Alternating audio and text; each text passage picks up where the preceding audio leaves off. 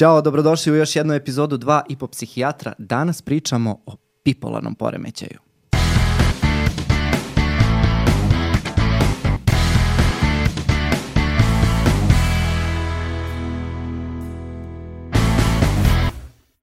E, pa da krenemo. Dakle, današnja tema bipolarni poremećaj još jedan od vaših zahteva. Tako da pre nego što počnem, ja moram da kažem samo nastavite da komentarišete, nastavite da, tražite, da tražite od nas teme, jer neverovatna ste nam inspiracija za, za dalje epizode.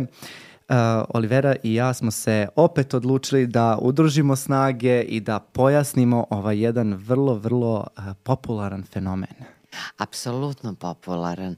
Čak e, čitali smo nešto zajedno, sećaš se ono pre nekog vremena o, o tome kako u stvari sada postoji jedna tendencija da mnogi ljudi hoće da budu bipolarni. Da. Da, Da, jako interesantno, da. E, ali imam utisak da e, to u stvari proizlazi iz jednog mešanja nekih termina. Ljudi često mešaju tako termin bipolarni da. poremećaj. E, mislim da je e, jedna od, e, mi smo ono kao, kao Mythbusters, je, bila je ta jedna emisija kad sam ja bio klinac, stalno sam to gledao onako kao potpuni štreber, a, gde su oni a, se okupljali i stalno razbijali neke od mitova i ja se nekako tako osjećam kad se ja i ti okupimo ovde, jer stvarno uvek nešto ovaj, um, pokušavamo da pojasnimo na neki, da kažem, malo stručniji način. I e, mnogo mi je bilo drago kad smo se odlučili da pričamo o bipolarnom poremećaju, jer e, ne znam, evo sad ti mi reci u tvom nekom krugu ljudi, ali u mom krugu ljudi ja stalno čujem e, ma on je bipolaran, pusti ga, on je bipolaran i, i pitam ja dobro, a šta ti to znači? I odgovore koje dobijam su najrazličitiji, ali ono što je interesantno je da nema veze s bipolarnim šta, najčešće. A šta ti obično kažeš? Kažu Mislim... mi, to je ono kad neko ima više ličnosti. To misle na ovaj poremećaj višestrukih ličnosti, pa ne znam šta su mi onoga još govorili, znači misle na poremećaj ličnosti najčešće. Na borderline. Na borderline, i to najčešće. I, i pričat ćemo i zašto se to meša.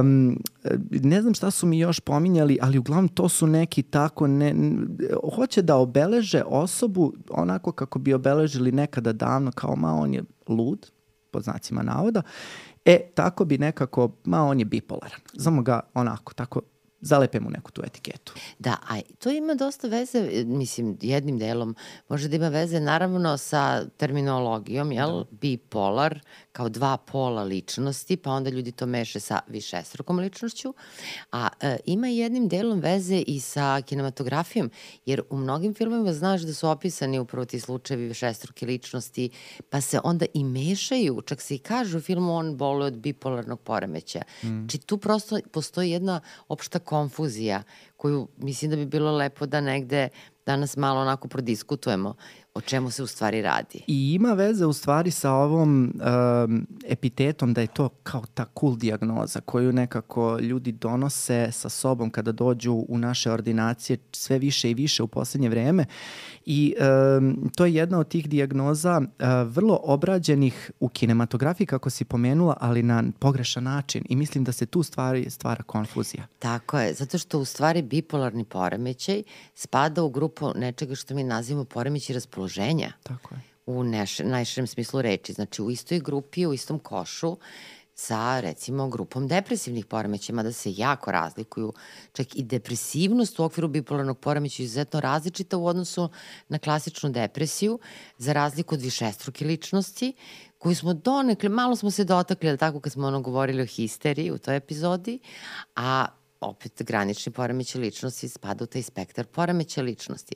E sad, ta bipolarnost, e, pomenuo si, ima neke dodirne tačke sa tim graničnim poremećem ličnosti.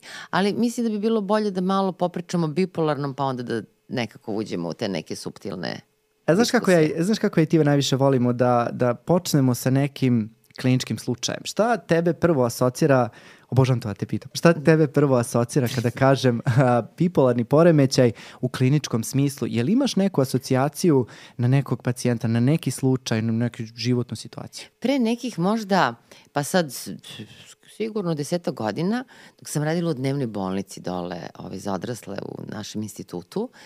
E, ti znaš da mi imamo one lekcije petkom i prikaze pacijenata i tako dalje. I onda je došla na red dnevna bolnica i onda smo napravili jednu jako interesantnu prezentaciju tri pacijenta. Znači, kako naša dnevna bolnica ima tri odeljenja, jel? -hmm. Jedan pacijent kod koga je postoje klasičan bipolarni poremećaj, objasnit ćemo šta je u stvari to, e, onda jedan po, pacijent kod koga je u stvari postojala klinička slika depresije i lekari su ga lečili kao depresiju, u stvari je ispod te depresije bio bipolarni poremećaj i treći pacijent koji je u stvari bio tu negde, da kažem, postojala ta diagnostička dilema. Da li on ima bipolarni poremećaj ili sa druge strane granični poremećaj ličnosti ili je reč o osobi, što se ispostavilo tačnim, da ima i granični poremećaj ličnosti i bipolarni. A taj klasičan bipolarni poremećaj, kako ga često zovemo Kejdova bolest, on se vrlo jednostavno tako definiše. On se javlja u formi epizoda i to epizoda manije i depresije. Tako je, i u stvari to je ta bipolarnost, to je stvari u taj polaritet raspoloženja, raspoloženja. koji je ključna diagnostički kriterijum, ključna diagnostička kategorija kada govorimo o, o bipolarnom poremećaju. Ja moram samo da se nadovežem na tvoj, um, na uh, tvoj kliničko iskustvo. Ja sam imao uh, jedno, to je jedna od mojih, uh, kako da kažem, prvih pacijentkinja koje sam upoznao sa nekim uh, ozbiljnim poremećajem raspoloženja. Bilo je dok sam ovaj, volontirao na kliničkom odeljenju. Uh, bila je jedna pacijentkinja, zvaćemo je Maja, na primer.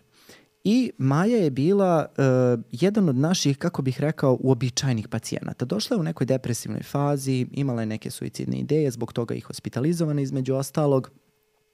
Vrlo brzo se ona oporavila. Uh, I nekako smo Maja i ja kroz taj naš uh, put razgovora i upoznavanja postali onako kako bih rekao, vrlo se ona lepo meni otvorila, mi smo razgovarali dugo, dugo o nekim, i ja sam se onako baš vezao za tu pacijentkinju, možda ima i do toga što sam bio neiskusan i mlad i nisam znao baš adekvatne granice da uspostavim, pa nekako, a i ona je bila tako jedna fenomenalna žena, mislim da me možda i asocirala na moju majku ili šta je već to bilo, to sam posle na psihoterapiji razmatrao, znači, uh, uh, i bila je onako jedna stamena žena, jedna onako uh, žena iz naroda, kako bih rekao, koja sve drži u svojim rukama i baš mi je bila draga, interesantna i eto, posle nekih možda šest meseci pojavljuje se Maja a, na odeljenju, a, opet primljena, ja je nisam prepoznao. Mm. Ona je došla, ofarbane kose, ona je bila crnka, došla je ofarbane kose u neke jarke, jarke boje, našminkana, našminkana, ne mogu ti opisati, iscepanih čarapa, kako da kažem, poprilično oskudno obučena. I stala je ovako na sred hodnika i kaže, gde si Roberto? I odma smo znali, Svatiš. prosto shvatim da o čemu se radi. Da ona ne bole od depresije Tako nego je. od bipolarnog poremeća. Tako je. E, ali to je u stvari interesantno kada si me pitao za kliničku praksu, koliko naši pacijenti koji boluju od bipolarnog poremeća, dakle, u stvari od tih smena raspoloženja povišenog, patološki povišenog, preteranog raspoloženja, pozitivnog i onog neraspoloženja, koliko njiko, njihove kliničke slike se međusobno razlikuju. Ja recimo imam jednog pacijenta koji se javio prvi put tako pre nekih 7-8 godina, upravo u toj fazi koju naziva manična, bio je vrlo akt, hiperaktivan, ti znaš da oni jako malo spavaju, a puni su snage, apsolutno ne osjećaju umor, ubrzan mu je bio prosto i govor i nije bio toliko, da kažem, pozitivno raspoložen koliko razdražljiv. I često tako i razdražljivost može da se biti maničnim epizodama. Naravno, neretko se javljaju neke ideje veličine, ali tako, u tim stanjima. I ono što je tipično za maničnu epizodu, to je manjak uvida. Znači, osoba uopšte nema uvid u to da se nešto sa njom psihološki dešava.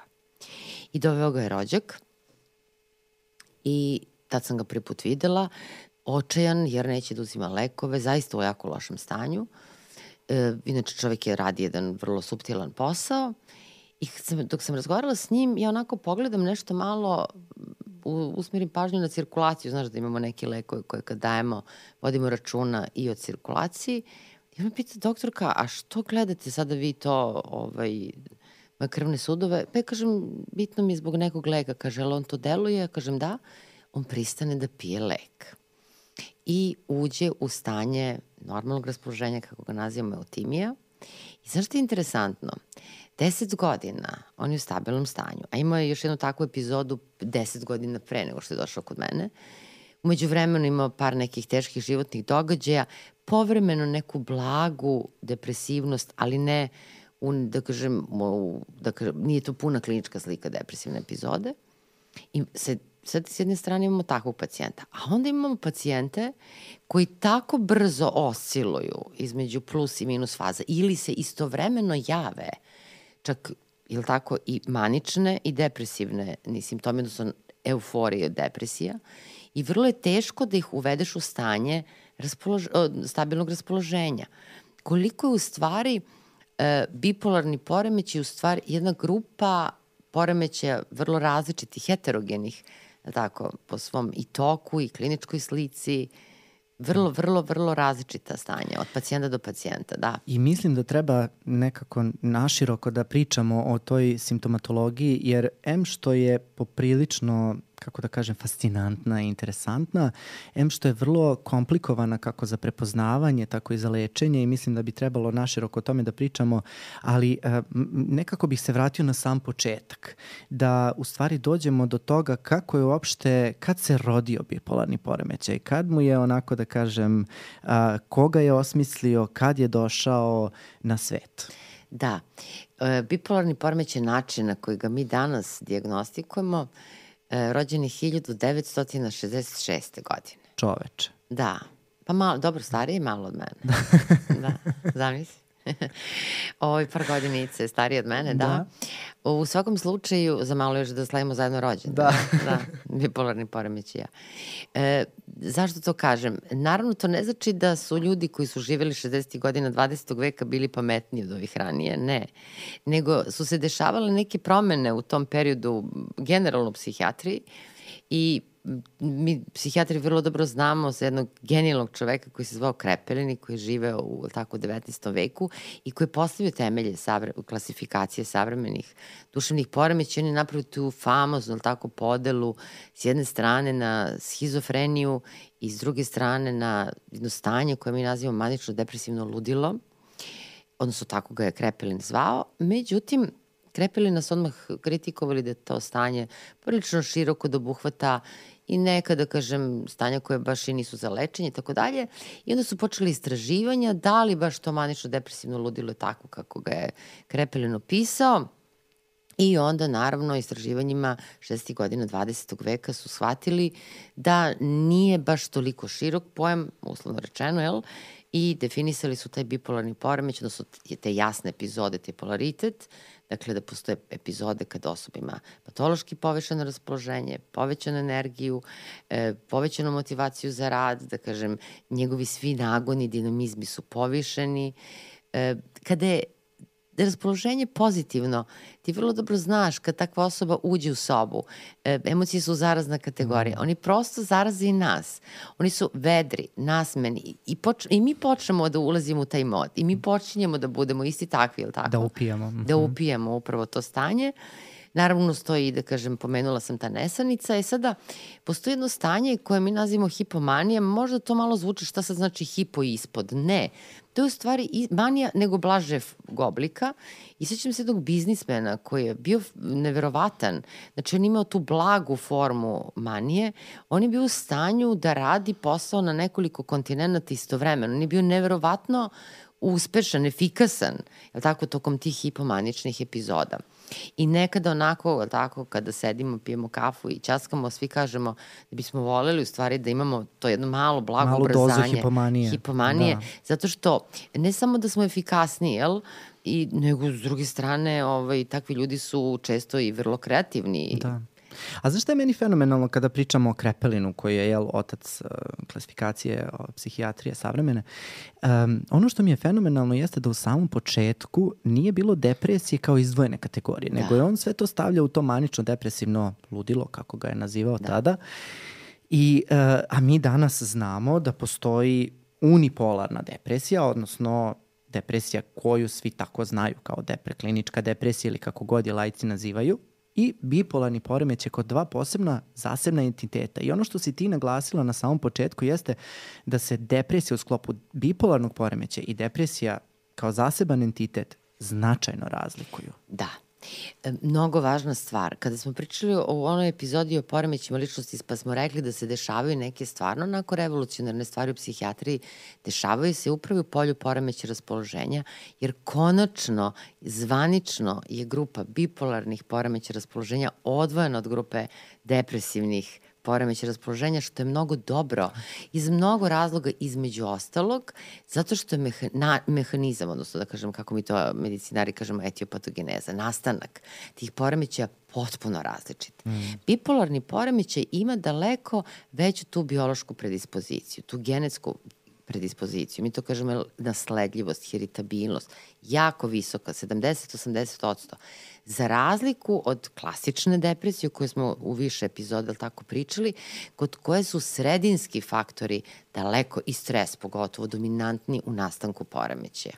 Drugo, taj bipolarni poremećaj, znamo vrlo dobro i ti i ja, tako, počinje daleko ranije negde u 20. godinama života, mada ima jedno desetak odsto osoba kod kojih može bipolarni prvi put da se javi posle 50. godine života, tako da mi malo ovaj, preko 50 plus ovaj, ne mislimo da ne može i nama tako nešto da se dogodi, da smo Iz, zaštićeni, izbegli. da, da smo izbegli rizik, ali je ma, daleko manji, da se šalu na stranu. Za razliku od depresivnog poremeća koji se javlja negde ipak 30. 40. godina života, jel? zato što je pod uticajem tih sredinskih faktora u nastanku, mnogo više nego bipolarni poremećaj. I e, ono što je takođe karakteristično za sam taj neki, da kažem, bipolarni poremećaj i to što ga, da kažem, razlikuje je ukoliko se ne leči. To je problem. Ukoliko se ne leči na pravi način, onda mogu da nastanu problemi u smislu i, da kažem, hronifikacije. Drugo, često kod bipolarnog poremeća imali tako i telesno oboljenje, pogotovo ono što je sad popularno, te metabolički sindrom, gojaznost i tako dalje. E, zašto sve to sada ja naglašam? Naglašam zato što nekada se dešava da se ne diagnostikuje ne zato što e, lekar nije vešt ili zato što pacijent nije motivisan, ne, nego zato što, kao što znaš iz praksi i sam, jel, e, pacijent dođe sa depresivnom epizodom, konstatujemo depresiju. Pa onda prođe neko vreme, ponovo depresivna epizoda. Mi kažemo, ha, znači njemu se pojavila ponovo depresivna epizoda. Pa treća, četvrta. I negde statistika kaže da prođe u proseku 10 godina do pojave prve te manične epizode, čije, da kažem, taj centralna karakteristika euforije ili to patološko povišeno raspoloženje i tada lekar može uopšte da revidira diagnozu. Meni se to neretko dešavalo u praksi. Da se pacijent leči kao depresija, pojavi se epizoda manije i mi znamo u stvari da je to potpuno i biološki i na mnogi druge načine mislim na terapijski pristup, drugačiji oblik poremeća raspoloženja nego što je to depresija.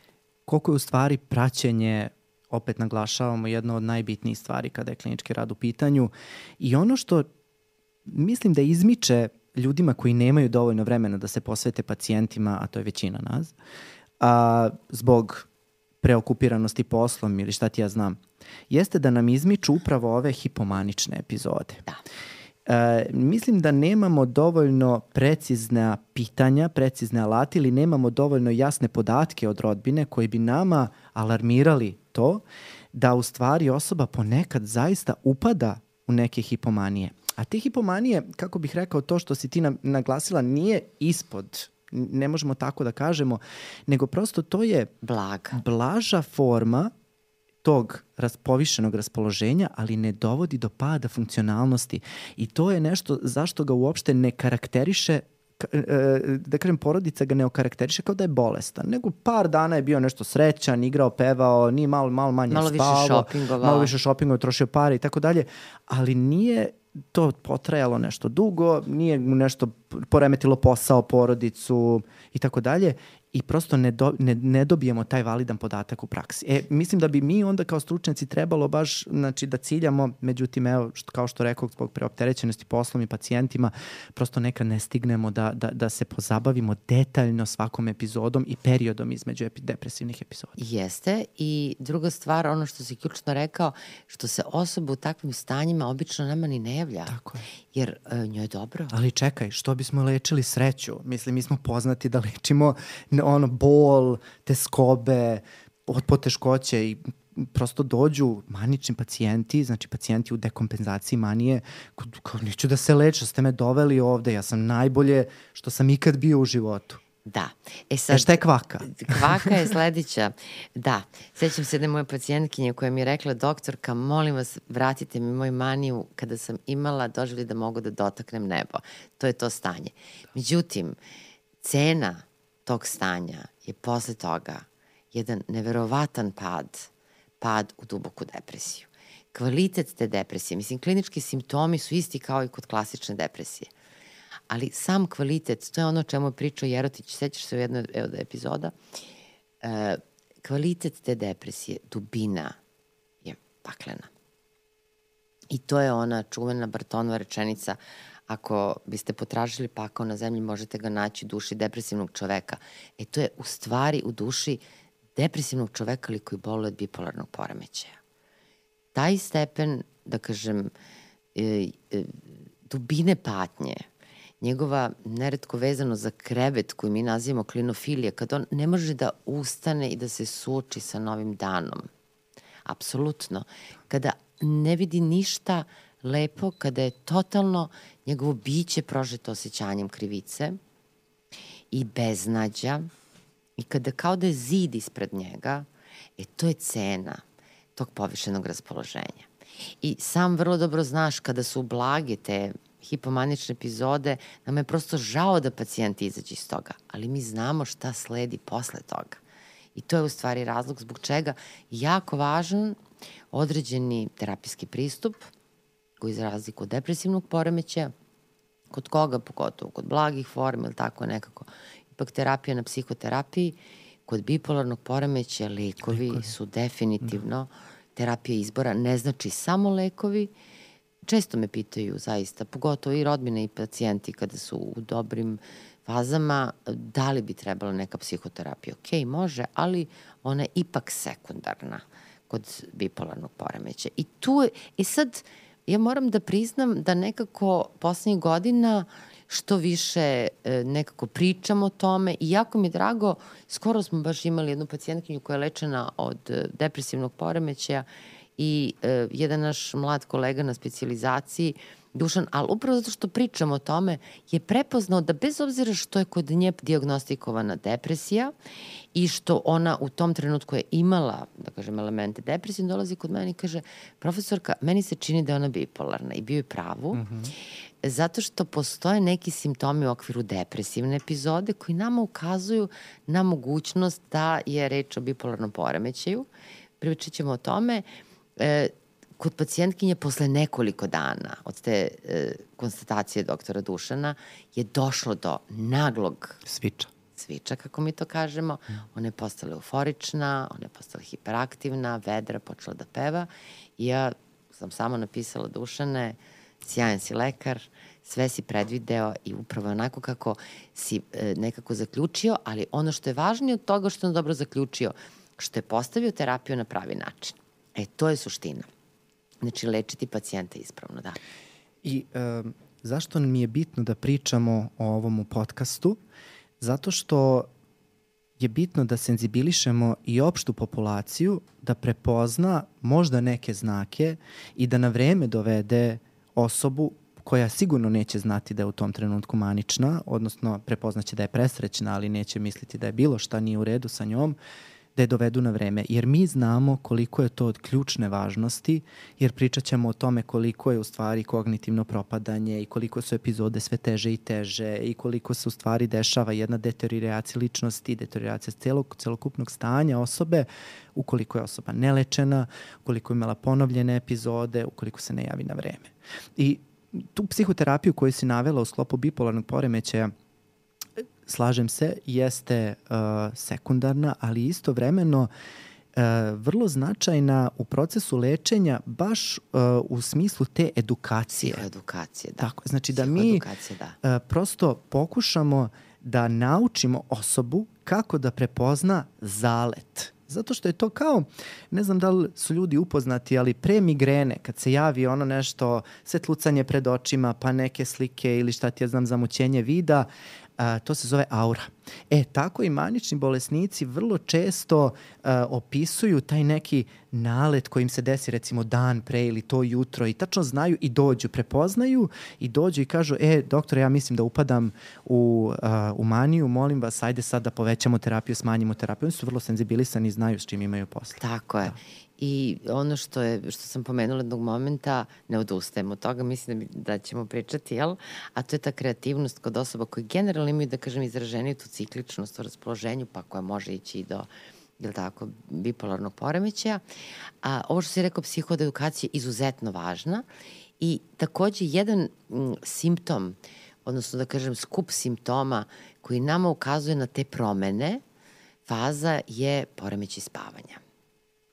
Dakle, uvek, da kažem to, Ah, mi psihijatri, znaju. smarači sa spavanjem, sa spavanjem stalno, da. stalno potenciramo to spavanje. spavanje ali da. kad je bitno, mislim, Jest. nije, moramo spavati, nažalost. Da, da, to ti ja najbolje znamo. najbolje znamo koliko, jel, nažalost. Ali zaista moramo spavati, spavati u vreme kada se kad treba da se spava. Jer šta se zapravo dešava? Kod tih pacijenata vrlo često epizode počinju promenom obrazca spavanja. I onda kada ih naučiš da to prepoznaju, onda se oni jave pre nego što je zakazana kontrola. I to je okej. Okay. Svakom pacijentu kažem, nemojte sad čekate kontrolu, zakazana je za taj taj mesec, nego doći ako treba ranije, ako dođe do neke promene ili ako smatrate da im je dobro već da procene sami kada dođu na kontrolu, pored naravno ovih regularnih. Jel? Ta promena spavanja je izuzetno važna, ali takođe promena spavanja u smislu stabilizacije sna, Znači da se osoba ne budi ranije nego što se inače budila, da se ne budi tokom noći, znači da se stabilizuje ciklus, e, ciklus dane noć, nam ukazuje i na poboljšanje. Prvi neki prediktor, prvi neki zračak onako nade da iza Počela izlazi. sam da spavam. Dobro. Tako da. je. Stabilizovao se san. Zašto? Zato što bipolarni poremećaj karakteriše nešto što mi zovemo ta cirkadijalnost. Jel? Znači, poremećaj ritma dana-noć. Ne samo na nivou spavanja. Postoji jedna jako interesantna nauka, zove se hronobiologija. Hronobiologija je fenomenalna uh, tema koja je, mislim, nauka za sebe, jel? E, naš organizam, mi vrlo dobro znamo, je otvoren sistem i on na neki način je sinhronizovan sa prirodnim okruženjem. E sada, da samo slušalci ne shvate da ja ovde govorim o kauzalitetu, uzrečno-pozičnom odnosu, ne. Nego, e, prosto postoje ciklusi u našem organizmu koji su u skladu sa ciklusom dan-noć. To nije samo spavanje, budno stanje, vrlo dobro tako znamo ti i ja i lekari o tome mnogo ovaj, na, tome obraćaju pažnja, to je ta, e, taj, da kažem, taj ciklus recimo nivoa hormona. Mm. Vidiš, opet narodna mudrost, jer hormon ovaj, rasta, kad se najviše luči? Kad, dete, kad Spava, spavamo. Spava. E, i, a šta je narod uvek govorio? Narod je uvek govorio dete raste dok spava. Jel, a hormon rasta u stvari tada je, da kažem, neki pik. Onda hormon stresa koji se najviše luči negde u četiri ujutru i tako dalje. Znači, postoji ta cirkadijalnost mnogih nekih naših bioloških ritmova, 24-satni ritmovi, ali postoji pa neke... Pa melatonin koji se luči u mračnim uslovima, takođe, da, jel? regulator spavanja. I da. koji se takođe i koristi u tretmanu, tako, tako, tako brojnih stanja raspoloženja. A s druge strane, postoje oni infradijelni i ultradijelni ritmovi, odnosno oni koji su kraći od 24 sata i oni koji su duži od 24 sata, ovi kraći su u stvari u frekvenciji, mm, da kažem, koja je frekvencija e, e, zemlje. Mm. E, za razliku od ovih, da kažem, e, dužih talasa koja je u stvari u frekvenciji e, promena na suncu, onih sunčanih perturbe, e, protuberancije, kako se već zovu, jel? I promena. Čak sećam se svoje vremeno kada sam bila negde, tako, tvoje godine, kada sam uh, učila više psihijatriju, bila jedna fantastična knjiga profesora Kecmanovića, koja je upravo opisivala recimo o tim nekim promenama na suncu koje se dešavaju nam u stotinu godina i kako kada se dešavaju te promene se dešavaju pandemije. Da, to je jako interesantno. Vrlo. Tako da te neke promene ritmova mogu da se jave da kažem, ne samo unutar samog poremeća, već i daleko šire. Ali bipolarni poremeće ne karakterišu poremeće samo ritma tako 24-satnog, već i tokom uh, različitih godišnjih doba. Da. I mi znamo kada će da se, mislim znamo, znamo kada će češće da se javlja Što epizod. pretpostavljamo. I čak, evo pre neki dan mi jedna pacijentkinja rekla, kaže, doktorka, uvek znam ono, kad kreće proleće i kad kreće jesen, E, to stvarno, kreće jest, pogoršanje. da, to cvetanje, znaš, ono kad krene proleće, vrlo često dolaze u tom periodu. Jeste, da, jeste. Da, da, da. Fenomenalno. Možda da napravimo neku edukaciju iz ovaj, hronobiologije, stvarno Tako, vrlo interesantno. interesantno vrlo, jako. Da. Znaš šta si mi inspirisala, a zaboravih da pomenem, a mislim da je strašno bitno. Kada si govorila o tome šta je cena manije, a, slažem se da je to teška, teška depresivna epizoda i pričat ćemo o tome koliko je u stvari za bipolarni poremeće depresija u stvari ono što, da kažem, presudi na samom kraju i zašto to kažem. Ali s druge strane, povišeno raspoloženje nekako mač sa dve oštrice. Iako daje tu neku sreću, ta, to neki, taj neki zarazni a, efekat koji utiče na celu prostoriju, prosto kada bi sad ušla manična, prosto, manična osoba u prostoriju, mi bi svi umirali od smeha, bilo bi nam strašno Pozitivni. zabavno, bilo bi pozitivno. Bili bi Tako je, pozitivni. tako, upili bi tu energiju. Upili bi, tako je. Dok sa druge strane, ono što njih karakteriše, pogotovo ekstremne forme, jeste taj vrlo brz switch, ali ne u depresiju, nego u razdražljivost u jednu impulsivnost koja ne može da se kontroliše. Oni kako ne mogu da kontrolišu tu sreću, isto tako najmanji neki da li njihova pomisao, jer smo pomenuli da mogu da imaju psihotične karakteristike, odnosno psihotičan kvalitet, sa druge strane, bilo kakav mali trigger može da ih prebaci u impulsivnost. I ja se sećam jednog, eh, jednog pacijenta koji je uh, upao u jednu psihotičnu maniju, imao je um, jedan vrlo karakterističan simptom, mislio je da se uh, jedna njegova komšinica zaljubila u njega i on je napravio uh, slavlje jer je mislio da ona želi za njega da se uda. I um, sve je to bilo vrlo interesantno ljudima oko njega. On je bio, kako bih rekao, mnogo voljen u tom društvu zato što je zvao trubače svaki dan, e, kupovao je piće, trošio je pare, kupovao prijateljima satove, ne znam, podigao kredit da bi to slavlje napravio i tako dalje. To je svima bilo super interesantno. Mislili su malo onako tu, proći će ga ta njegova faza. Međutim, onda su izašli otac i njegova sestra kada je krenuo da kolje, e, mislim da je kolje svinje, da bi napravio posluženje za goste. I u tom trenutku su oni njemu rekli uh, nemoj da ideš, ne, ne, ona je nešto tebi uradila i onda je on napao njih i završio u zatvoru. A, Bio je agresivan. Bio je agresivan, mm. da, napao ih je ovaj, u tom trenutku. E, upravo to pričam, znači može vrlo brz switch da se desi iz te ekstremne forme uh, pozitivnog raspoloženja u jednu agresivnost, impulsivnost koju osoba ne može da kontroliše. Odnosno, taj gubitak kontrole ponašanja jeste nešto što je vrlo karakteristično za manični. I sad si u stvari došao do suštine definicije bipolarnog poremećaja.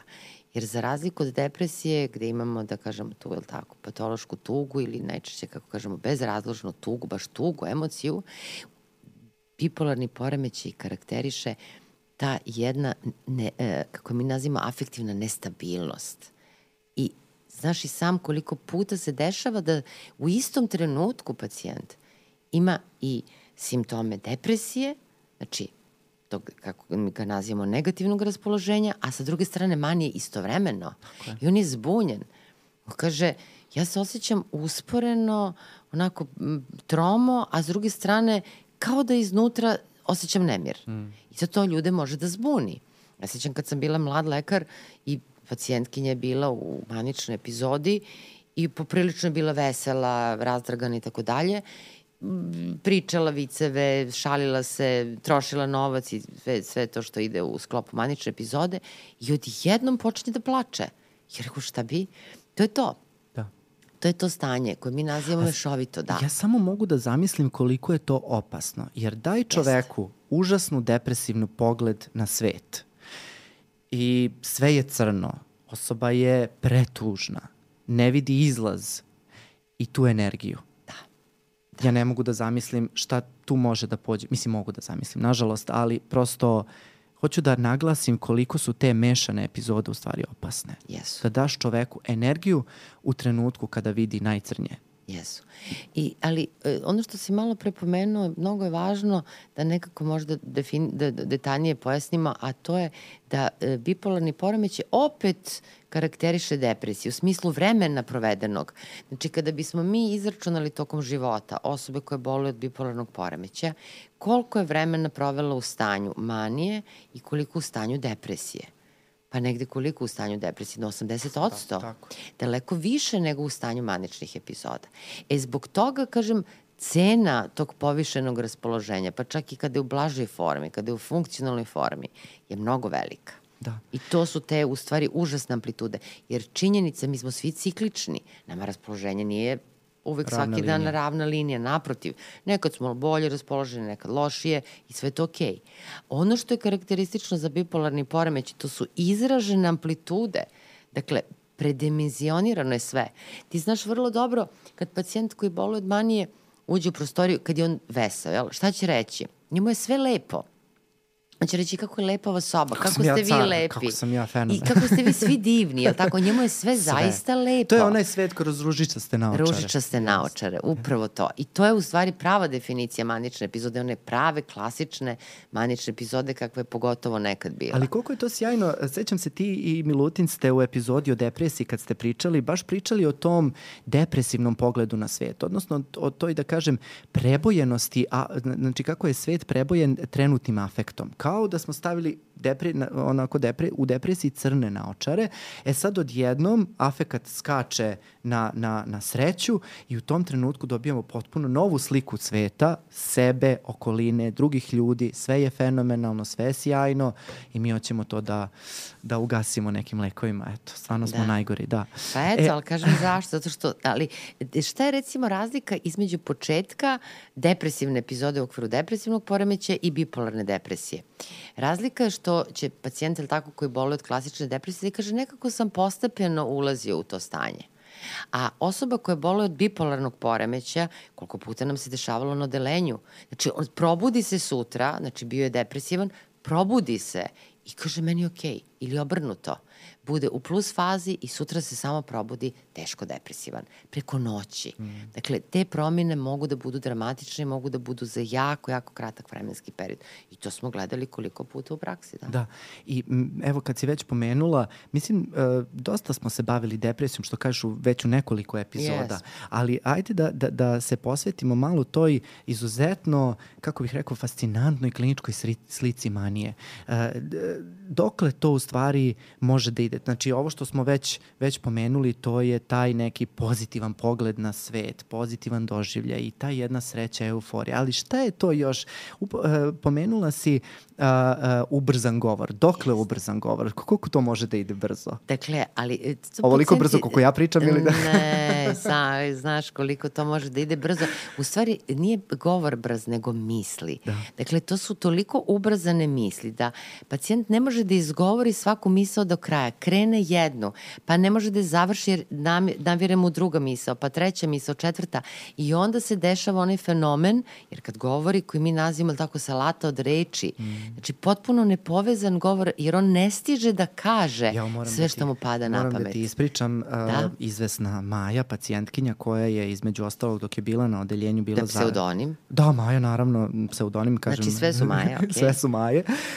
Um, koja je, dok je boravila na odeljenju, zaljubila se u mene, mislim, ne, ne samo u mene, nego u sve ljude se zaljubila na odeljenju, ali između ostalog bila zaljubljena i u mene i onda mi je donosila ljubavna pisma koja mi je gurala kroz vrata, bacala preko i tako dalje, ovaj, ubacivala u džep kad prolazim ovaj, eh, hodnikom i uh, bili su karakteristični, ja i dan danas imam ta pisma, karakteristični po tome što su upravo to što si opisala. Dakle, uh, dragi Roberto i onda ide uh, P, R, M, S, L, znači ona nije mogla da stigne da zapiše svoje misli koje su očigledno letele na sve strane. Navirale. Navirale, navirale, i ona je zapisivala samo prva slova, misleći verovatno da ću ja to da razumem i to je upravo taj fenomenalan opis te, tog, uh, kako bih rekao, salate od reči, znači potpunog jednog ubrzanja i, i do momenta, vidim da u nekom momentu je krenula samo da crta crtice i, i, i to je ono što zovemo a, beg misli, odnosno fuga idearum, kada nam misli prosto beže iz glave, toliko ih ima da ne možemo da ih postignemo, pa naviru na, raz, na različite načine. Jeste to, ali moramo da naglasimo da je to baš onako klasična manija. Tako je. Znači, za razliku od hipomanije, kod koje govor može da bude očuvan, jel? Da. Krajnje mirno da priča ovako kao mi. E sad, naravno, ve, sa, sa možda vedrijom tonom glasa. Da. Ne znam da li neko može da ima vedriji ton glasa, Roberto, tebe, to ne znam. e, mene stalno opisuje kao hipomaničak, tako da nisi prva. Ovaj. ne, ne, ne, ne, naprotiv, ne. Velika je razlika. A u čemu je u stvari razlika? Razlika je u tome što ipak tokom te hipomanije postoje određene disfunkcionalnosti. Vrlo dobro znaš. Mm. Nisam te baš videla da šopinguješ nekritično, jel?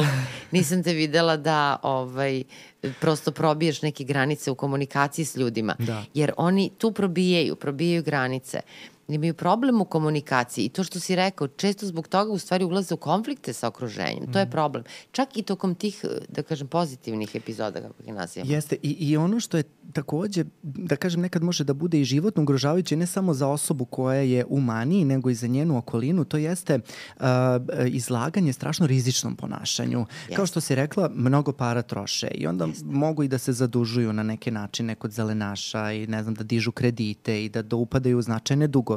Sa druge strane, um, ona što je jedna od tabu tema kod nas i dalje, nažalost, to je seksualnost. Dakle, upadaju taj, uh, oni imaju pojačane nagone za sve, pa i seksualni nagon nagon i vrlo često i brzo uh, ovaj, stupaju u odnose vrlo nekritično sa ljudima sa kojima verovatno u, u trenucima, što kažeš, eutimije, odnosno ovaj, uh, normalnog raspoloženja ne bi, ovaj, ne bi što uradili. Što ne rade. Tako je, što ne rade. Mm -hmm. I ovaj, I sa druge strane uh, mogu da, da, može da se desi ono što čega se mi najviše plašimo kada su manični pacijenti u pitanju, a to su psihotične dekompenzacije, odnosno -hmm. kada imamo simptome psihoze.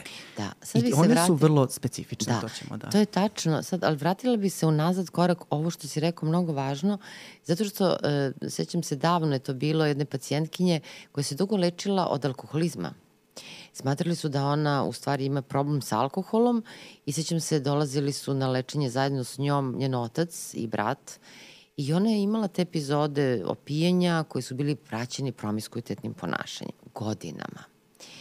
I u stvari, m, jednog momenta su, sam je preuzela, ne znam, nekako stice okolnosti, lekar koji je lečio, valjda je otišao u penziju ja sam malo detaljnije porazgovarala i sam shvatila da se nekako to kod nje javlja epizodično. Kada smo krenuli u detaljniju priču, ja sam shvatila da ona uopšte primarno nije zavisnik od alkohola, niti da ima problem ponašanja, niti da je promiskuitetna, nego da boli od bipolarnog poremećaja.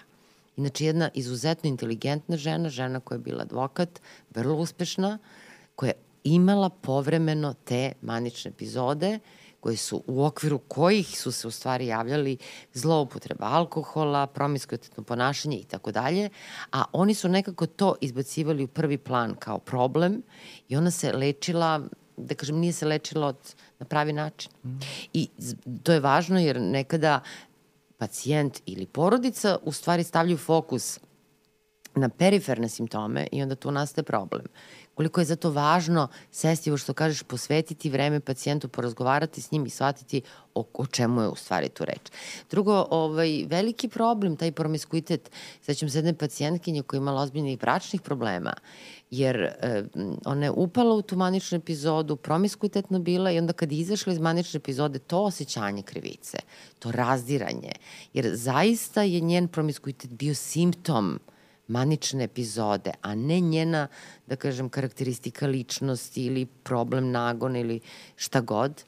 I sada, naš... Ali zamisli i, i čak, pošto sam rekao, vrlo nekritično da, ponašanje, da, da. kada se desi, kada imali smo pacijente koji su napravili dvoje, troje dece za da. vreme maničnih epizoda. epizoda da. da.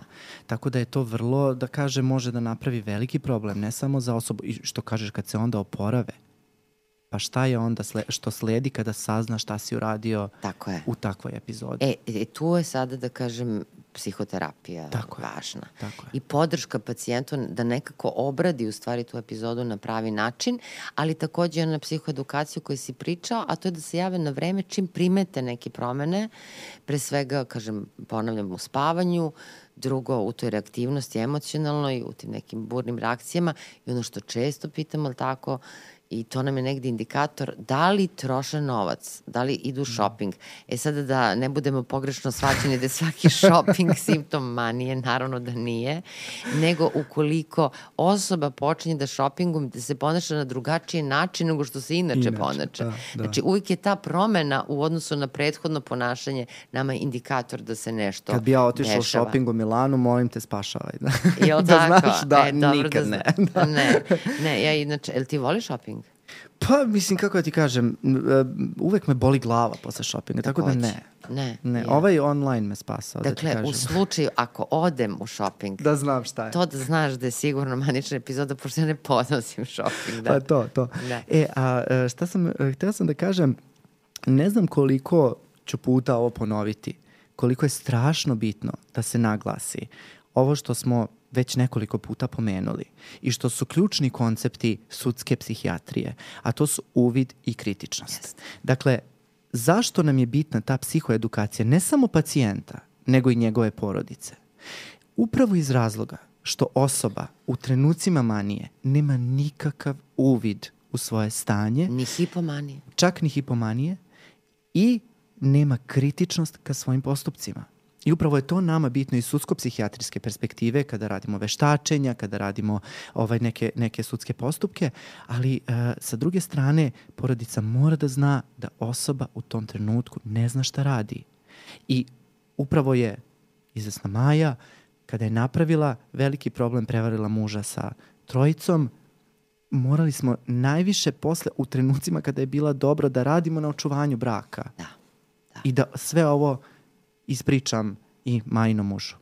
A drugo, dešavalo se takođe da su ljudi gubili posao. Da. I da nisu ispoštovali onaj zakonski period od mesec dana žalbi ili šta god. I sada ne postoji recimo pravna instanca koja može da zaštiti osobu koja je u hipomanijom trenutku, e, upravo a, osoba nema uvid i nije otišao ili otišla osoba, jel tako, da, da žalbu na otkaz i iskubila radno mesto. Da. Veliki, veliki problemi, čak da. eto da kažem i zakonski i ogromna stigma. Da. Bez obzira što, eto, na početku smo rekli, ljudi bi volili da budu bipolarni, ali mislim da to u stvari proizlazi više Uzem zato što ne... iz usta. Jel tako? Da. Da. Ovaj, mi ćemo uskoro da počnemo da ćutimo, eto i da razmenjujemo misli, jel? Da. Samo ne znam šta će ovi što nas slušaju da čuju. Ovaj, u svakom slučaju, činjenica da smo rekli na početku jel, žele da budu bipolarni, ali mislim da to više proizlazi iz toga što ne znam što ta reč znači. Tako je. Da bipolarni poremećaj nosi svoje breme, ali uvek postoji ona lepa medalja. Mnoge ličnosti koje su izgradili civilizaciju koju živimo, u stvari su bolovali od bipolarnog poremećaja. Da, mnogi. Između ostalog, mnogi kompozitori, mnogi književnici, mnogi ovaj, državnici, kažu da je Lincoln recimo bolovao od bipolarnog poremeća. U poslednje vreme ti znaš da je popularno u Hollywoodu takođe da se priča odnosno da osobe same pričaju o tome da bole od nekih poremeća. Recimo, Catherine Zeta-Jones, čini mi se, tako? Ona je, bole od tako bipolarnog Tako je, poremeća. tako je. Od mlađih zvezda ja znam da je Demi Lovato nije ovaj, do, dosta, dosta pričala ova američka jedna pevačica, ovaj, da kaže više popularnija na, u mojoj generaciji mlađima od mene, ali razni, razni su ovaj, kod nas eh, pričali, ali ono što je eto interesantno, a za što znam da se ti mnogo zanimaš, jer si držala jedno fenomenalno predavanje na tu temu, to je u stvari o povezanosti kreativnosti sa bipolarnim poremećajem. Znači nije slučajnost da mnogi um, da kažem, pametni ljudi i mnogi talentovani ljudi, mnogi umetnici su imali baš bipolarni poremećaj. Da.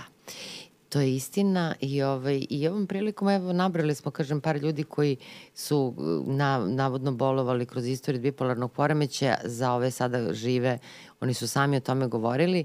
Ja tu imam potrebu da napravim možda uslovno rečeno jednu digresiju, a to je da postoje kolege koje vole jednu oblast koja se zove patobiografija. Patobiografija je tako disciplina u okviru koje ljudi opisuju psihopatologiju slavnih ličnosti kroz istoriju. Lično nisam fan toga. Mm. Iz mnogo razloga. Prvo, e, bazirano je na mnogim spekulacijama. Znači, priča se o osobi koju osoba nije poznavala. Znači, na osnovu nekih istorijskih činjenica. Znači, na osnovu mnogo, no, na osnovu pretpostavki. Drugo, ako pričamo o osobi koju ne poznajemo lično, da li mi možemo verodostojno da opišemo tu osobu? Teško.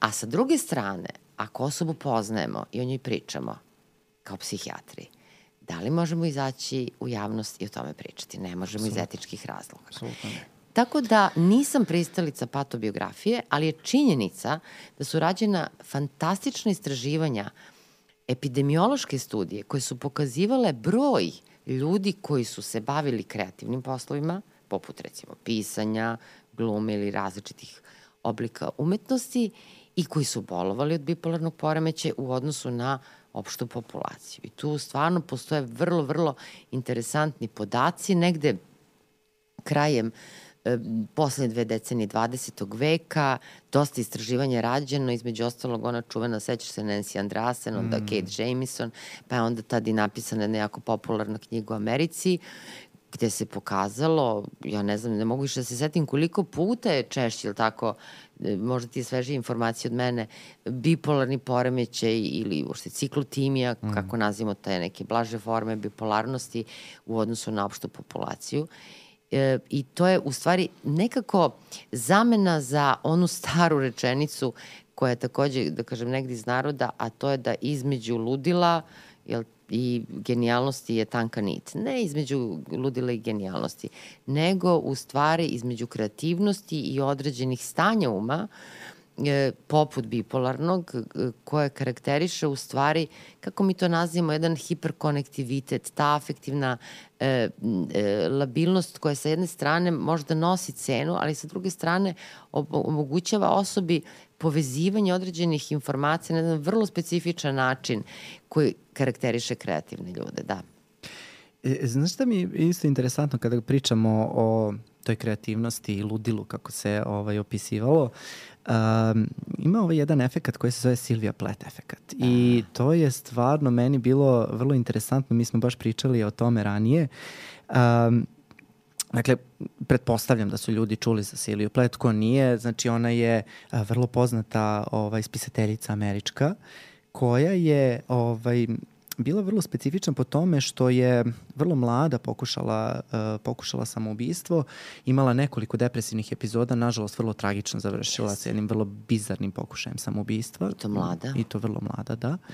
Ovaj, ali zašto su oni uopšte ovaj, prozvali taj efekat, Silvia Plath efekat. Dakle, oni su radili brojne istraživanja koja su um, obuhvatala preko hiljade i po um, različitih uh, umetnica i gde su pokazale da u stvari žene koje su pisale poeziju, odnosno pesnikinje, značajno više, odnosno višestruko više, imale bipolarni poremećaj u odnosu na recimo spisateljice koje su pisale fikciju ili horore, trilere i tako dalje. Sa druge strane, onda su radili nova istraživanja koja um, su poredila uh, pesnikinju, odnosno pesnikinje, sa drugim nekim granama, recimo um, arhitekte, lekarke, advokatice i tako dalje. I opet su našli isti rezultat. Pesnikinje značajno, značajno češće. I to je vrlo, vrlo da, interesantno. Da. I onda dobi, dobije Silvija Plet svoj efekt. Da, Silvija Plet, kako je zovu ukleta pesnikinja, ove, ikona 20. veka u svakom slučaju, e, nekako ta njena problematika, opet kažemo, građem se od patobiografije, ne volim je lično, ali eto kada već pričamo o tome, e, ona je, najviše su psihoanalitičari se bavili njome. Međutim, postoji jedna sjajna knjiga, mislim da smo je mi pomenuli u podcastu, a možda nismo rekli, Rotenberg je pisao Kreativnost i ludilo. Izuzetna knjiga, jedna po meni od najboljih knjiga koje sam ja pročitala na temu upravo duševnog inih poremeća i kreativnosti. Zašto? Zato što u toj knjizi je na jedan vrlo kritičan način opisan odnos između umetničkog dela pojedinih autora i njihovih duševnih stanja, gde e, pojedina e, dela, recimo poput Silvije Plec, u toj knjizi su jel, navedeni neki stihovi njeni, e, govore u stvari o um, da imaju umetnički kvalitet, a neki da ga nemaju. Znači, ne možemo mi govoriti o umetnosti jednog, jedne osobe u svakom napisanom redu, u svakom napisanom stihu. Naprotiv, e, postoje stihovi Silvije Plet koji nisu imali, da kažem, tu umetničku notu, nažalost, već su pokazivali jedno stanje patnje kroz koje ona prolazila i mnogi drugi umetnici takođe koji su bolovali od bipolarnog. Međutim, jedan čuveni psihijatar jedan od, da kažem, psihijatara koji je zaista bio doajen u domenu e, bipolarni ušte poremeće raspoloženja, dobro poznat tebi meni Akiskal, je govorio da nema kreativnosti bez ciklotimije. Dakle, sada pričamo u stvari o toj jednoj promeni raspoloženja, ali ne sa tako velikim amplitudama kao kod bipolarnog poremeća, već promenama, ali blažeg intenziteta. I ta cikličnost, ta, jel, te promene raspoloženja nas čine kreativnim kad. Smatra se u stvari da onim fazama kada smo malo blagosetnim, neraspoloženi, mi kao da u stvari negde prikupljamo određene ideje, jel tako, malo smo tu se sklonili sa strane, zaštitili od okruženja koje može da bude stresogeno, prikupljamo resurse, a onda tokom onih stanja po blago povišenog raspoloženja u stvari pokazujemo svoju kreativnost na najbolji mogući način. Ja zaista negde sam pristalica tog stava da bez te cikličnosti nema kreativnosti. Mm. I uh, ono što mi je bilo interesantno, ti si pronašla jedan sjajan grafikon koji je opisivao uh, kreativnost jednog kompozitora uh, da. koji je u, baš u tim momentima povišenog raspoloženja napisao najviše svojih kompozicija. Da, pa ja mislim da ne postoji ovaj, na netu e, češći slajd. E, mislim, ne, ne postoji autor koji se ne bavi temom kreativnosti i bipolarnog, a da nije pokazuje, mislim, taj slajd Šumana. Da. I kako je on tokom tih hipomaničnih epizoda u stvari bio najproduktivniji i komponovao najviše dela.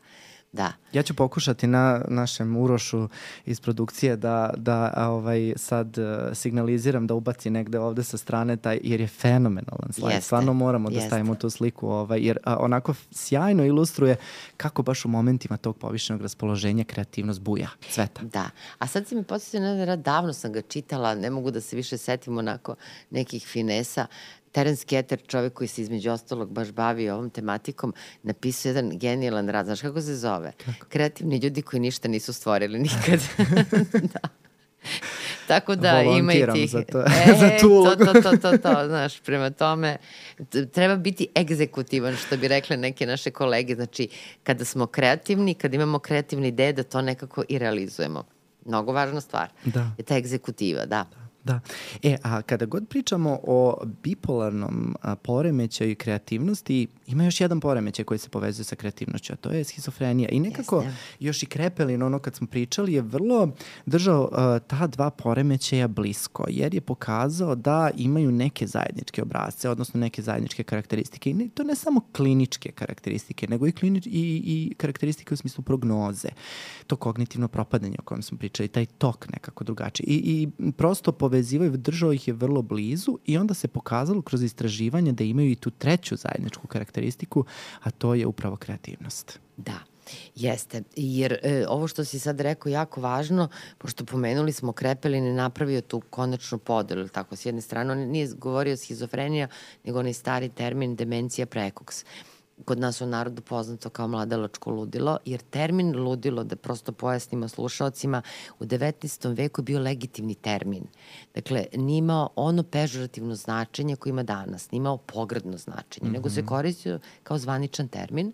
Dakle, demencija prekos ili mladalačko ludilo i s druge strane manično depresivno ludilo. Uh, A onda su ga kritikovali i on je negde, da kažem, početkom 20. veka i sam priznao da u stvari postoje ta neka stanja o kojima ti sad pričaš, pre, isprepletana, jel, gde postoje simptomi i iz domena schizofrenije, odnosno demencije, prekoks i e, manično-depresivnog ludila, odnosno bipolarnog poremeća.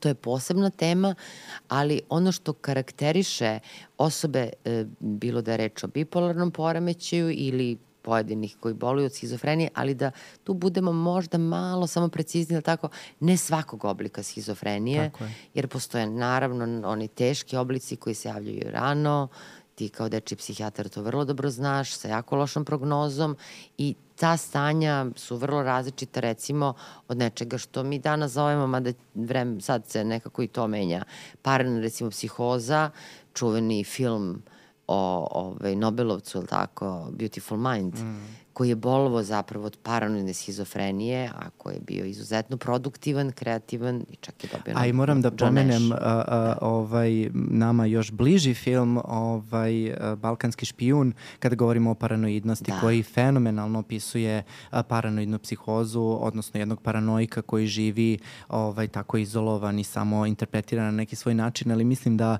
psihoze prosto zahtevaju svoju, o, svoju epizodu, nećemo se mnogo serijal. da... Ali serijal. ajde da prvo završimo onaj serijal obećani. serijal, da, da, da, ali da. prvo obećani onaj serijal o poremećima ličnosti, pa ćemo onda jedan po jedan, tako, tako je, da. Tako je. I nekako smo povukli paralelu između um, bipolarnog poremeća i poremeća ličnosti. Da.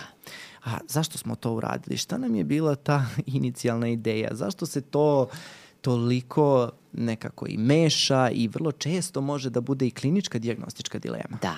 Meša se, rekli smo, s jedne strane zato što postoji konfuzija terminologije, a sa druge strane postoji život. A život nije podeljen na kategorije onako kako smo mi to ljudi smislili. Već, nego postoje ljudi kod kojih mogu da se javi istovremeno i različita stanja. Ili mogu da se jave stanja koje liče jedna na druga između ostalog bipolarni poremećaj i granični poremećaj ličnosti o kome smo delimično pričali, a verujem da ćemo pričati daleko detaljnije, ima neke zajedničke karakteristike i nekad je i kliničaru teško da uoči razliku da li kod određene osobe, kod određenog pacijenta, kod klijenta, kako god ovaj, postoji granični poremećaj ličnosti ili sa druge strane govorimo o bipolarnom poremećaju. I šta smo primetili? Primetili smo da istovremeno praktično mogu da se jave oba poremećaja, a takođe da postoje ipak neke razlike na osnovu kojih mi možemo da vidimo da li je reč o graničnom poremećaju ili o bipolarnom. Jer ti si sada recimo pomenuo, eto, pacijentkinju koja je e, imala tokom maničnih epizoda problem promiskuiteta.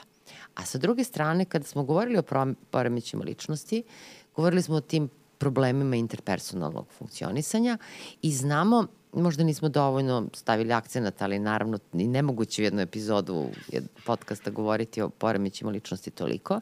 Ono što karakteriše poremeće ličnosti, to su te nestabilne interpersonalne veze, vrlo kratke e, emotivne veze i prenaglašen jedan promiskuitet. I to je njihov životni obrazac ponašanja kod poremeća ličnosti. Za razliku od bipolarnog poremeća kod koga može i ne mora da naglasimo i to da se javi promiskuitet tokom maničnih epizoda, ali isključivo tokom maničnih epizoda. Kažem, naglašavam, postoje mnogi pacijenti koji imaju manične epizode, a apsolutno nemaju povišen seksualni nagon. Tako da i to moramo da naglasimo, jel? Tako je. Da, e, za razliku, kažem, od poremeća ličnosti koji, kako poremeće ličnosti ulazi u, u odnos? Da, na keca. Na keca. Da. On upozna osobu, on je već u odnosu. Da. Emotivnom, partnerskoj relaciji. To se ne dešava kod bipolarnog. Osoba tokom manične epizode, ona ima ono što mi nazivamo behavioralna dezinhibicija, ali tako? pacijent će ti ući u sobu, bit će spontan, preći će s druge strane, zagrali će te, pričat će s tobom kao sa drugarom. Znači, nema tu vrstu granice. granice. Mm. Ali to je samo tokom tog svog povišenog raspoloženja. Šta Tako se je. dešava kad izađe iz tog stanja? Sve normalno. Da. da. Tu postoje još i neke druge razlike. Da. E, mislim da je ovo što si rekla ključ, u stvari ta uh, epizodičnost, u stvari nešto što karakteriše bipolarni poremećaj. Dakle, osoba kada je u epizodi manije, ona se tako ponaša. Da. Kada izađe iz epizode da. manije, ponaša se ne mogu da kažem da se sve osobe koje izađu iz epizode manija ponašaju uslovno rečeno normalno, nego se ponašaju uobičajno za svoje ponašanje kakvo je bilo i pre nego što su upali tako u tu epizodu. Tako je, Da. Što, Potpuno stabilno. stabilno. Ali, kažem, naglašamo, nisu sve osobe tako tokom tako. manične epizode promiskuitetne. Tako je, naravno, naprotiv, taman posla, taman naprotiv. posla. Da, da, da. da. Moram da kažem da ni jedan simptom koji smo naveli ne mora da važi za sve osobe Apsolutno. Pa to i jeste negde veština lekara, to je ta kombinacija simptoma i to je ono što sam rekla na početku, toliko različitih slika. Ja ne znam prosto da li postoji poremećaj psihijatriji, sad razmišljam, koji ima toliko različite slike od pacijenta do pacijenta, kao kad je reč o bipolarnom. Tako je, tako Recimo panični poremećaj o kome ćemo pričati je panični poremećaj, odnosno atak panike, napad panike, napad panike. A slika bipolarnog poremećaja, dakle, je toliko od osobe do osobe različita, da je to fascinantno. Da, i upravo i tu znači, dolazi do te neke konfuzije, neprepoznavanja, izbunjenosti, ne samo lekara, nego i opšte populacije da. porodica i upravo da. zato ne znaju u kom trenutku da dovedu osobu na lečenje, čak i osoba sama je zbunjena šta joj se je. to dešava. E, kada govorimo o graničnom poremećaju, e, oni takođe e, opisuju ti pacijenti, ti ljudi uh, uh, opisuju vrlo nagle i brze poremeć, uh, promene u raspoloženju. I uh, ono što uh, je razlika u stvari uh, kod promena uh, raspoloženja u sklopu bipolarnog poremeća jeste da kod graničnog poremeća su te promene uvek vezane za neku situaciju. Obično za ove interpersonalne odnose koje si pomenula, bilo za gubitak neku problem na poslu, gubitak posla ili nešto. To su ogromne nagle promene raspoloženja koje stvarno mogu da se okarakterišu kao jedan bipolarni aspekt. Međutim, kada pričate sa, sa, sa bipolarnom osobom, dolazimo do, do momenta da nema razloga. Prosto bezrazložne su te promene. Nema, znači samo se javljaju promene, osoba se što kažeš probudi se srećna. Nema razloga za takvu sreću. I uh, pored toga, um, ono što, što bi takođe bilo odlika poremeća ličnosti, što smo, mislim, i nekoliko puta naglasili u samoj epizodi, uh, poremeća ličnosti je poremeća ličnosti tokom celog života. Dakle, simptomi su hronični, stabilni tokom vremena, nepromenjivi, vrlo često ukoliko se osoba ne leči, ali ne uzima farmakoterapiju ili psihoterapiju, stabilnost tokom vremena nešto što karakteriše. A ovo drugo, cikličnost, odnosno epizodičnost. epizodičnost. Tako da, je. Da. Epizodičnost. S tim što, e, to je ta varka, jer e, pomenuo si kod graničnog ta emocionalna nestabilnost. On se tako i naziva sad još uvek, ili tako, emocionalno nestabilni poremeće ličnosti. Oscilacije raspoloženja kao roller coaster, što se i često pisuje u literaturi.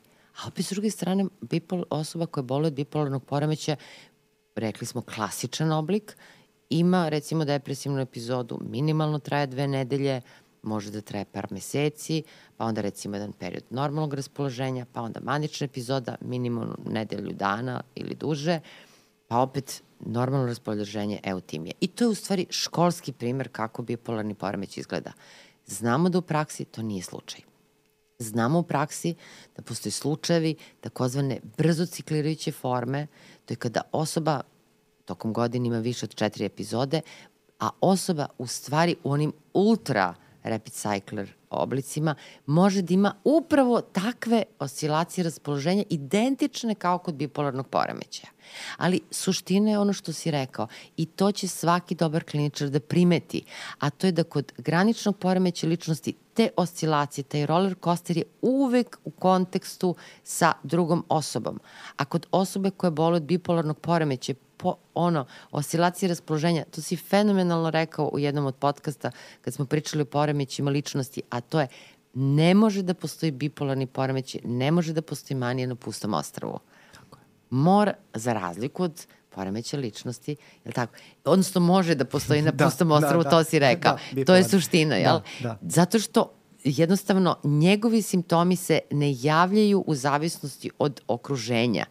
Oni su prosto simptomi njegovog stanja, njegovog poremeća raspoloženja. Tako je i moram samo još da se nadovežem sa jednom temom. Vidiš koliko je teško i koliko ima ovo što mi zovemo diferencijno diagnostičkih dilema kada je bipolarni Jest. poremeć u pitanju. I zato mora profesionalac to da definiš. Tako je. Ali sa druge strane, moram da ti priznam, postoji još jedan veći diferencijalno diagnostički pakao, a to je bipolarni poremećaj kod dece. Da ne znam kako bih ti to opisao, to je takav jedan diagnostički izazov. Zašto? Zato što su deca po prirodi srećna, maštovita, kako ga kažem, ne, vrlo, znaš koliko nam je teško da prepoznamo da li je dete u najranijem periodu psihotično ili je maš, premaštovito, ili je samo drugačije, ili je hiperaktivno, ili je samo presrećno zato što mu je onako što mi kažemo hipertimnog temperamenta, odnosno tako malo onako burnije reaguje, vrišti dok se smeje, skakuće. Sva deca su po prirodi srećna, hiperaktivna, vedra. vedra da, i ajde Zdravo ti sad... dete je vedro dete. Tako je, tako je. I ajde ti sad prepoznaj maniju da. u tako jednom, kako da kažem, stanju, stanju, fiziološkom stanju odrastanja jako, jako teško. Znači, to je stvarno možda meni, a i znam i kolegama sa kojima sam pričao, uh, jedna od najvećih diagnostičkih izazova. Mi stvarno moramo vrlo da ono, otvorimo četvere oči, da gledamo to dete, da posmatramo tokom vremena, da vidimo da da li ima stvarno te faze. A znaš zašto još? Zato što i depresija kod dece je potpuno drugačija. Da, Mi da. nekako, ono, kako smo opisivali, padnemo u krevet, ništa nas ne zanima, nemamo snage, nemamo volje, uh, izmeni nam se taj cirkadijalni ritam, odnosno loše spavamo, nemamo apetit ili imamo prevelike apetit, znači tako neki klasični simptomi koje manje više svi znaju. A depresija kod dece potpuno drugačija. Znači, deca su razdražljiva, ljuta, često hiperaktivna, oponentna, ne prihvataju ništa, ne može s njima da se razgovara, samo su nekako okarakterisani kao neposlušni, bahati, pogotovo ako su adolescenti, vrlo nekako potpuno, potpuno drugačiji. I ajde se ti razluči da li je to depresivna faza, da li je to manična faza, da li je to mešana faza ili je to samo prirodna adolescencija uh, oponentni jedan pubertet ili jedno, kako da kažem, onako uh, nerčik dete ili onako malo preko, onako špica dete ili kako, kako ih mi sad razno, na, znači potpuni jedan diagnostički pakao. A pritom jako važan, jer ako se ne prepozna na vreme, znamo da bipolarni poremećaj dovodi do određene, mi to nazivamo ali tako u okviru neuronauka, neuroprogresije, dolazi do određenih promena na nivou mozga, tako centralnog nervnog sistema. Tako je. Znači kada posmatramo recimo komorni sistem, ako radimo skener ili magnetnu rezonancu osobe koje boluju od bipolarnog poremeća kroz vreme, šta možemo da primetimo posle dve, četiri, deset epizoda proširenja moždanih komora. Mislim, ovde bih naglasila pogotovo da to e, ne znači po automatizmu da kod osobe dolazi do e, pojave težih simptoma ili do kognitivnog propadanja. Naprotiv, to je ono što je Krepelin prvobitno i rekao, mislim, on je napravio tu podel tako između schizofrenije i manično-depresivne psihoze na osnovu prognoze. I ono što, se, što znamo to je da je prognoza bipolarnog poremeća daleko bolja. Mi uvek, naravno, lekari krećemo od najgoreg mogućeg scenarija. Zašto to radimo? Radimo iz prostog razloga da eliminišemo rizike pa da onda da idemo ka optimističnije varijanti. To radimo i kada je reč o bipolarnog poremećaju.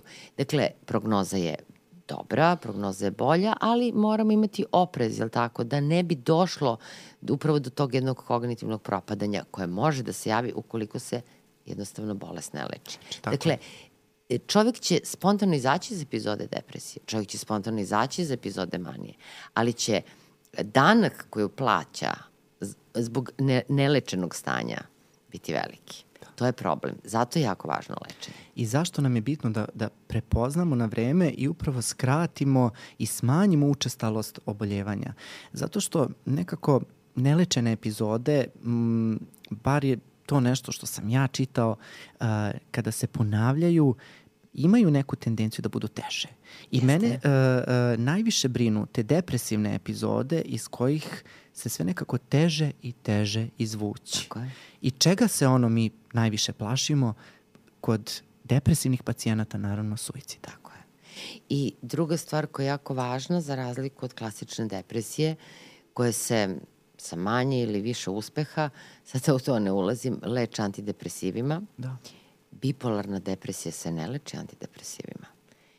Znači, jako velika razlika u tretmanu. E, postoji samo jedan antidepresiv koji je odobren od strane svetskih agencija u kombinaciji s jednim drugim lekom koji se koristi u lečenju depresivnog poremeća, depresivne epizode u okviru bipolarnog poremeća. A ono kada sam malo prepomenula Dušana koji je prepoznao jako dobro kod pacijentkinje koja se godinama lečila depresivnog poremeća da ipak reče o bipolarnom, kako mi u stvari to možemo da prepoznamo? Dakle, ako imamo osobu koja boluje od depresije, ali čiji su se depresivne epizode rano javile tokom života. Ako imamo osobu čija depresiju karakteriše ono što nazivamo atipična forma. Atipična forma znači da osoba predugo spava, da osoba previše jede, da se osoba goji. Ukoliko se depresivnost javlja sezonski, dakle u jesenjim, zimskim mesecima, ukoliko se depresija javlja recimo posle porođaja kod žena, ukoliko u depresivnoj epizodi postoji ono što si malo prepomenuo, psihotičnost o kojoj ćemo pričati, tada to su nama sve indikatori ili kako ih stručno nazivamo, nemanični markeri depres, ovaj, bipolarnog poremeća, odnosno ne depresivni markeri bipolarnog poremeća i to nam u stvari ukazuje da potencijalno razmišljamo kod pacijenta da nije reč o depresivnom poremeću, već o bipolarnom poremeću. I ono što si super naglasila već na samom početku, velika stopa naslednosti i kada da. saznamo da neko u porodici da. ima bipolarni poremećaj, javi nam se sa prvom epizodom depresije, uvek mora to da nam bude ona crvena Genetika. zastavica, da nam, da, da, da nam onako bude pred okom, da može da se desi da je u stvari uh, bipolarni poremećaj u pitanju. Još ako ne reaguje na antidepresive, na ovu konvencionalnu terapiju, na nešto što smo jel, navikli ovaj, da dajemo kod depresivnog poremećaja, pogotovo teških formi o, o čemu smo već pričali, ako ne reaguje, ako nam je nešto i javljaju se upravo ti atipični znaci, treba nekako sa, sa vrlo op, velikim oprezom da, da lečimo. Pre izvesnog broja godina sam čak ovaj, čula od eh, jednog pacijenta koji mi je ispričao da je tako bio blago neraspoložen i da mu je neki komšij rekao da pije antidepresiv, ovaj uzeo antidepresiv i šta se desilo? Ušao u maničnu epizodu jednostavno koliko su to opasne stvari, koliko se to ne radi. Jer šta, e, malo pre si pomenuo i to je jako važno što si naglasio, to je ne reaguju antidepresivi kod osoba koji imaju depresivnu epizodu u okviru bipolarnog poremeća. A postoji onaj drugi ekstrem, a to je da ukoliko uzmu antidepresiv, mi kako mi to kažemo dolazi do sviča, odnosno do tog maničnog pomaka, preko noći upotrebom antidepresiva osoba uleće u maničnu epizodu. Da. I pored ovoga što smo naglasili, čeka se sve plašimo, znači impulsivnosti, suicida, da. takođe ono što je, da kažem, loš prognostički faktor kada govorimo o prognozi bipolarnog poremeća, odnosno o samom toku i, i, i tretmanu, to su ovo što si pomenula, psihotični simptomi. E, dakle, nekako psihotični simptomi se u narodu vezuju za schizofreniju i kada neko ima bilo kakve psihotične simptome, a po tim smatramo sumanute ideje i halucinacije, smatramo da on ima schizofreniju. Ali to zapravo ne mora da bude tako, je li tako? Naravno, da. naravno.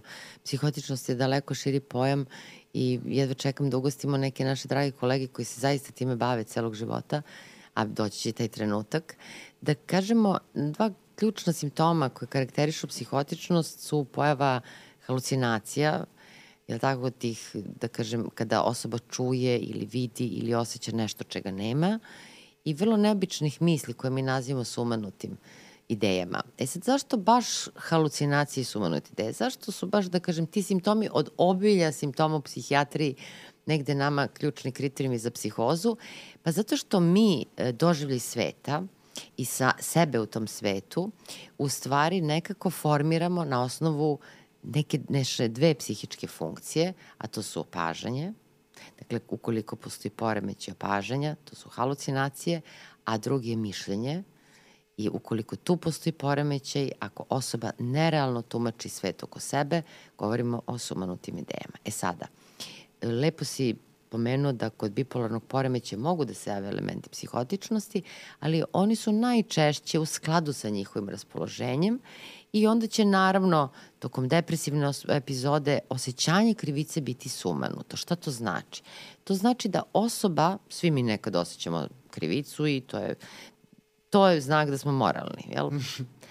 Ukoliko osjećamo krivicu dovoljno dugo koliko, ili tako, traje naša procena date situacije da smo nešto pogrešili. Međutim, kod sumanutosti krivice osoba sebe optužuje za stvari koje su krajnje bizarne. Recimo, dođe i kaže ja sam kriva za pandemiju. Ili ima hipohondrijske sumanute ideje. odmah da kažemo, to nije klasična hipohondrija. Kod osobe koja je hipohondar, ona stalno sumnja da od nečeg boluje. Sumnja. Za razliku od osobe koja boluje, odnosno koja ima te hipohondrijske sumanutosti, šta će da nam kaže? Na primer. Pa, da je bolesna, da je ima tumor koji raste u glavi, je. da je propadaju organi, da, da se nešto truju, truli trul, iznutra. Truli da. su organi, srce je stalo, me, mozga nema, da. ona je mrtva. Mrtva, mrtvi su ljudi u njenom okruženju, onaj ekstremni oblik, je li tako, Kotarov, Kotarov sindrom. sindrom, da, vrlo dakle, interesantan. vrlo interesantan. Ili pacijentkinja, sećam se relativno skoro, koja priča o tome kako joj urin izlazi iz, kroz zube. Znači, krajnje su bizarni simptomi. Znači, nikad osoba koja pati od hipohondrije, a neko je baš i pomenuo na YouTube kanalu da bi bilo lepo i stvarno treba jednu epizodu da posvetimo hipohondriju. Ovo nije klasična hipohondrija, ovo su hipohondrijski sumanuti deo u okviru bipolarnog poremeća, kada osoba u stvari ima gobe koje su nemoguće Dakle, nemoguće da ne radi srce, nemoguće da su saturila creva, nemoguće da je osoba mrtva i da razgovara s nama.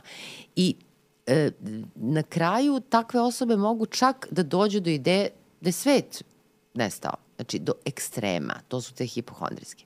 Šta se dešava u maniji?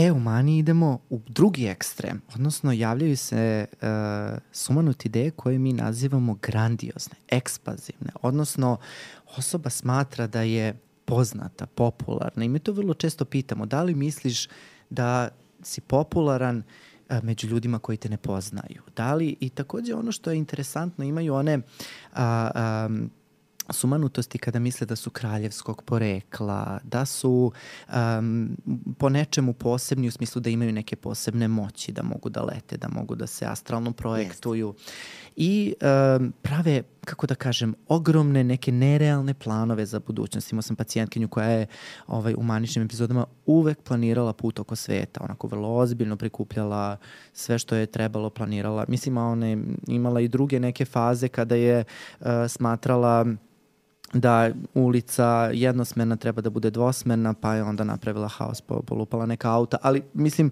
hoću da kažem, znači, do kakvih ekstrema to može da ide, do, do čak i tih momenta da ljudi smatraju da im neko šalje lične poruke, da su neke poznate ličnosti zaljubljene u njih, da gostovanjem recimo Lady Gaga koje si pomenula u prošloj epizodi da. nam šalje neke poruke, da smo mi prosto posebni za te ljude. Da. Vrlo interesantno. Da, pogotovo te ideje veličine, da, jel, kako da. ih nazivamo, i da imaju neke specijalne moći, recimo, sećam se jedne pacijentkinje koja je tokom manične epizode imala ideju kako može da nas leči, onda je demonstrirala, bili su tu studenti, bile su studentske vežbe, da bi prosto oni shvatili kako to izgleda. Pacijentkinja je sela pored mene, jednog mog kolegi, onda nas je ovako uhvatila za ruke i rekla sad ću doktore da izlečim i onda se onako skoncentrisala i prosto ona je kao kroz telo, jel, energetski nas lečila. Naravno, kad izašla, kažu studenti, ili vam bolje? Zato što oni stvarno misli da nam je pacijentkinja pomogla. ja kažem, mnogo nam je dobro, naročito kad tako reagujete na da. ovu pacijentkinju. Šalim se malo ovaj, da napravim malo dinamike unutar našeg podcasta, da ne bude sve pesimistično. Zašto kažem da ne bude pesimistično? Jer suština i mnogo važna stvar, i to je ono što stalno govorimo ljudima koji boluju od bipolarnog poremeća, kada prođu te epizode, oni se vraćaju normalno funkcionisanje. I to je jako važno i to je ono što je optimistično u celoj ove priči. Tako je. A to je da je njihov život privatni, profesionalni, znači sve sfere života, apsolutno iste kao svakog drugog čoveka, da oni formiraju porodice, da oni imaju sjajne karijere i da oni mogu da žive uklopljeni u ovaj svet, ni malo jednostavan ni za jednog čoveka, na način na koji smo mi svi uklopljeni to je jako, jako važno da svakom našem pacijentu koji boluje od bipolarnog poremeća nekako odmah na početku kada uđemo u terapijski odnos pojasnimo šta je u stvari naš zadatak. Naš zadatak je da skratimo te epizode, da što pre izađu iz tih epizoda, da produžimo period između epizoda, da im pojasnimo da, to jeste hronično stanje, ali naša ideja je ajde timski, ajde zajedno sa članovima porodice da nekako ovaj, napravimo plan lečenja takav da periodi između epizoda budu što duži, a da te epizode u koje oni upadaju budu u stvari što kraće i da nanesu što manje štete. Sjajno. Nemam šta drugo da dodam. Stvarno, mislim da možemo ovim da završimo današnju epizodu. sa ovim ovako misliš, pozitivnim, lepim misliš porukama. Misliš da završiš više ovaj današnji dan sa da. podcastima? da. Uh, Ljudi, hvala vam što ste bili sa nama i uz uh, ovu našu um, epizodu o uh, bipolarnom poremeću. Pre nego što završim na običajan način, ja moram samo da se zahvalim našim uh, nevidljivim uh, herojima koji su iza kamera, dakle našem produ, uh, produkciji uh, Urošu Bogdanoviću i Dejanu Nikoliću koji stvarno u svakoj epizodi rade sjajan posao sa produkcijom, montažom i svim ostalim, bez čega dva i po psihijatra sigurno ne bi ovaj, mogla da, da dođu ovde dokle su došla. Tako da hvala vam još jedno što ste bili sa nama. Ako vam se svidela ova epizoda, mi vas molimo da nas podržite tako što ćete uh, lajkovati ovu epizodu, subscribe-ovati se na naš kanal, slušati nas na svim streaming platformama i ostavljati nam komentare jer vidite da pravimo epizode upravo po vašim željama. Hvala vam još jednom i vidimo se sledeće nedelje. Ćao!